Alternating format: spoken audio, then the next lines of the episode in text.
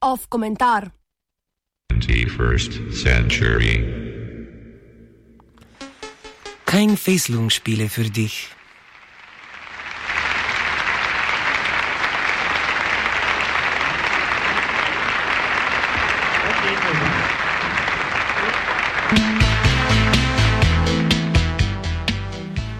Že nekaj časa je jasno, da bo pandemija koronavirusa v svetu povzročila ostro recesijo. Podatki še nekaj časa ne bodo uradni, ker je recesija definirana kot dve zaporedni tri meseči, v katerih je gospodarska rast negativna, a povsem jasno je, da se gospodarstvo hitro krči.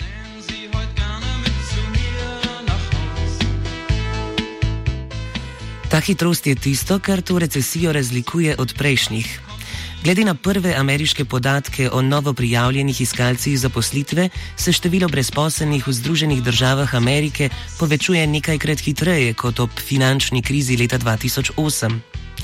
Podružnica Ameriške centralne banke v St. Louisu je ocenila, da bi lahko ameriška brezposelnost v drugem četrtletju dosegla 30 odstotkov, kar je več kot je bila med veliko gospodarsko krizo v 30 letih. Predlagajo pomoč države v višini 2500 milijard dolarjev.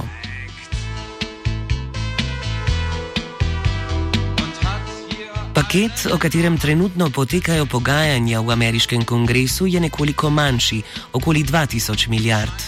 Preračunano na velikost gospodarstva je to vsaj dvakrat večja intervencija države kot ta, ki jo je danes predstavila slovenska vlada.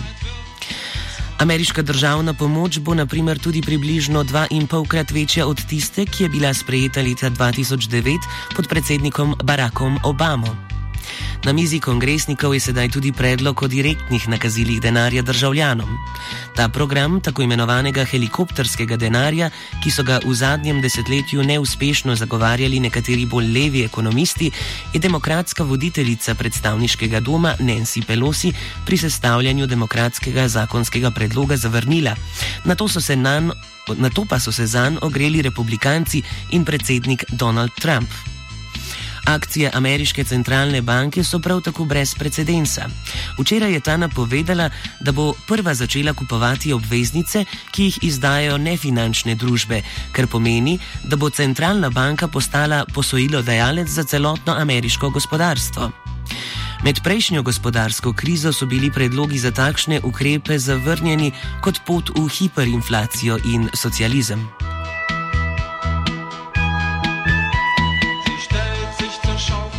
Evropska centralna banka je podobno pozabila na umetne omejitve svojega mandata, ki jih je predsednica banke Christine Lagarde zagovarjala nekaj tednov nazaj.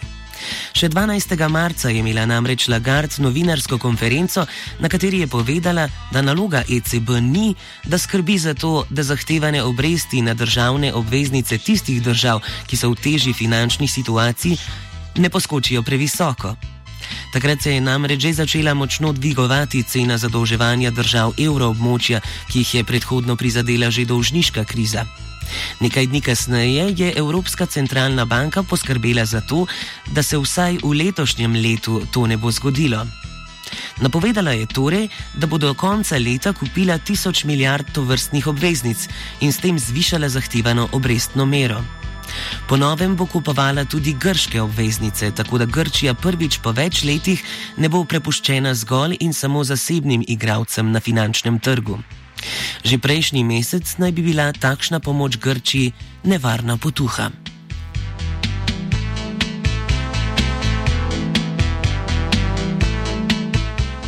Med dolžniško krizo evroobmočja pred nekaj leti so predstavniki Nemčije na nadzornem odboru banke in člani nemške vlade z ogorčenjem nasprotovali bolj plašnim intervencijam ECB pod vodstvom njenega takratnega predsednika Marija Dragija.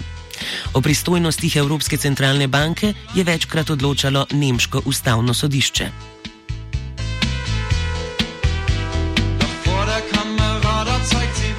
Nikjer ni bila zavezanost vrčevanju in nasprotovanje agresivni monetarni politiki Evropske centralne banke med krizo evroobmočja bolj zagrizena kot v Nemčiji.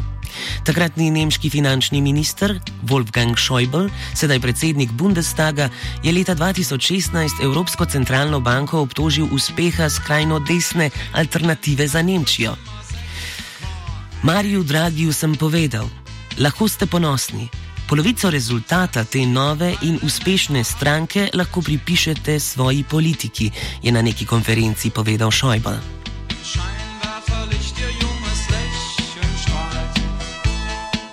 Državno varčevanje je postalo fetiš nemške politike, dobesedno. Oglas največje nemške stranke, Krščanske demokratične unije iz lanskega novembra, se je naprimer v poskusu polresne ironije glasil, da imamo majhen fetiš, trdne finance brez dolga. Oglas je spremljala slika v slogu BDSM, usnjena podlaga v živih barvah CDU ter črna ničla s črno usnjeno vojaško čepico.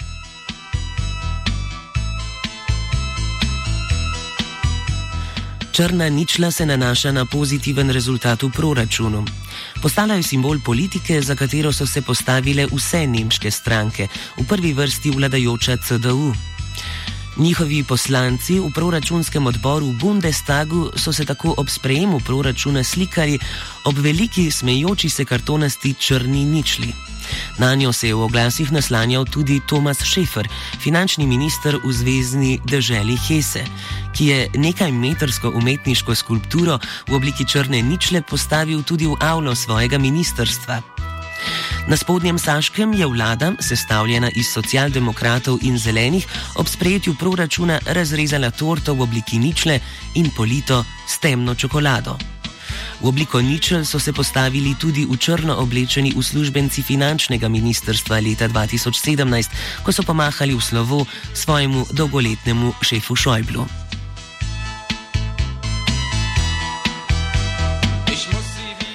Vso to vrčevanje se je sedaj po hitrem postopku poslovilo. Konec februarja je šef Bundesbanke Jens Weidmann še svaril pred rahljanjem proračunskih pravil. Teden kasneje je kanclerka Angela Merkel zavrnila spremembe v proračunu. Pet dni kasneje je Widman oziroma Weidmann povedal, da podpira likvidnostno inje injekcijo prek državne razvojne banke. Še dva dni kasneje, 12. marca, se je nemška vladajoča koalicija odločila, da letos ne bo proračunskega presežka. Pred tremi dnevi se je zgodil dokončen propad nemških črnih sanj in vlada se je odločila, da suspendira zlato finančno pravilo. Sprejet je bil dodatek k letošnjemu proračunu, težak 150 milijard evrov, skupaj pa bo nemški stimulus še enkrat večji in enak približno 10 odstotkom bruto domačega proračuna.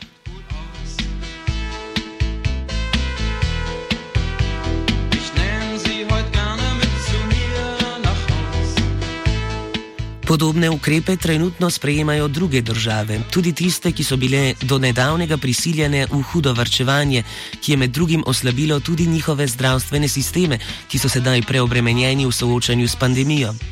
Vse te možnosti za spodbujanje gospodarstva so bile vedno na voljo. Izbruh nalezljive bolezni ne povzroči povečanja finančnih virov. Sprejeli bi jih lahko kadarkoli med skoraj desetletje dolgi gospodarski krizi, ki se je začela leta 2008.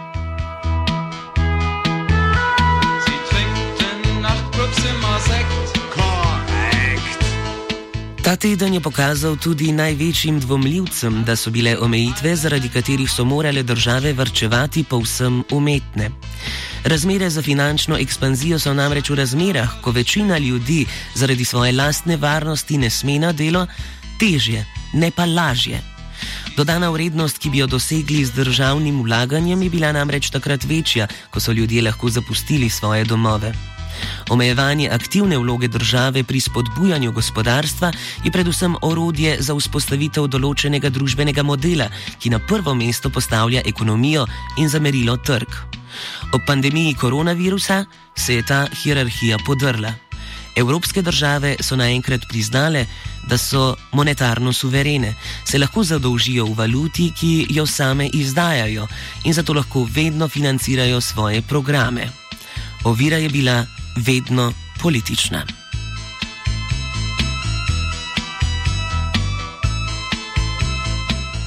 Komentiral je Gal.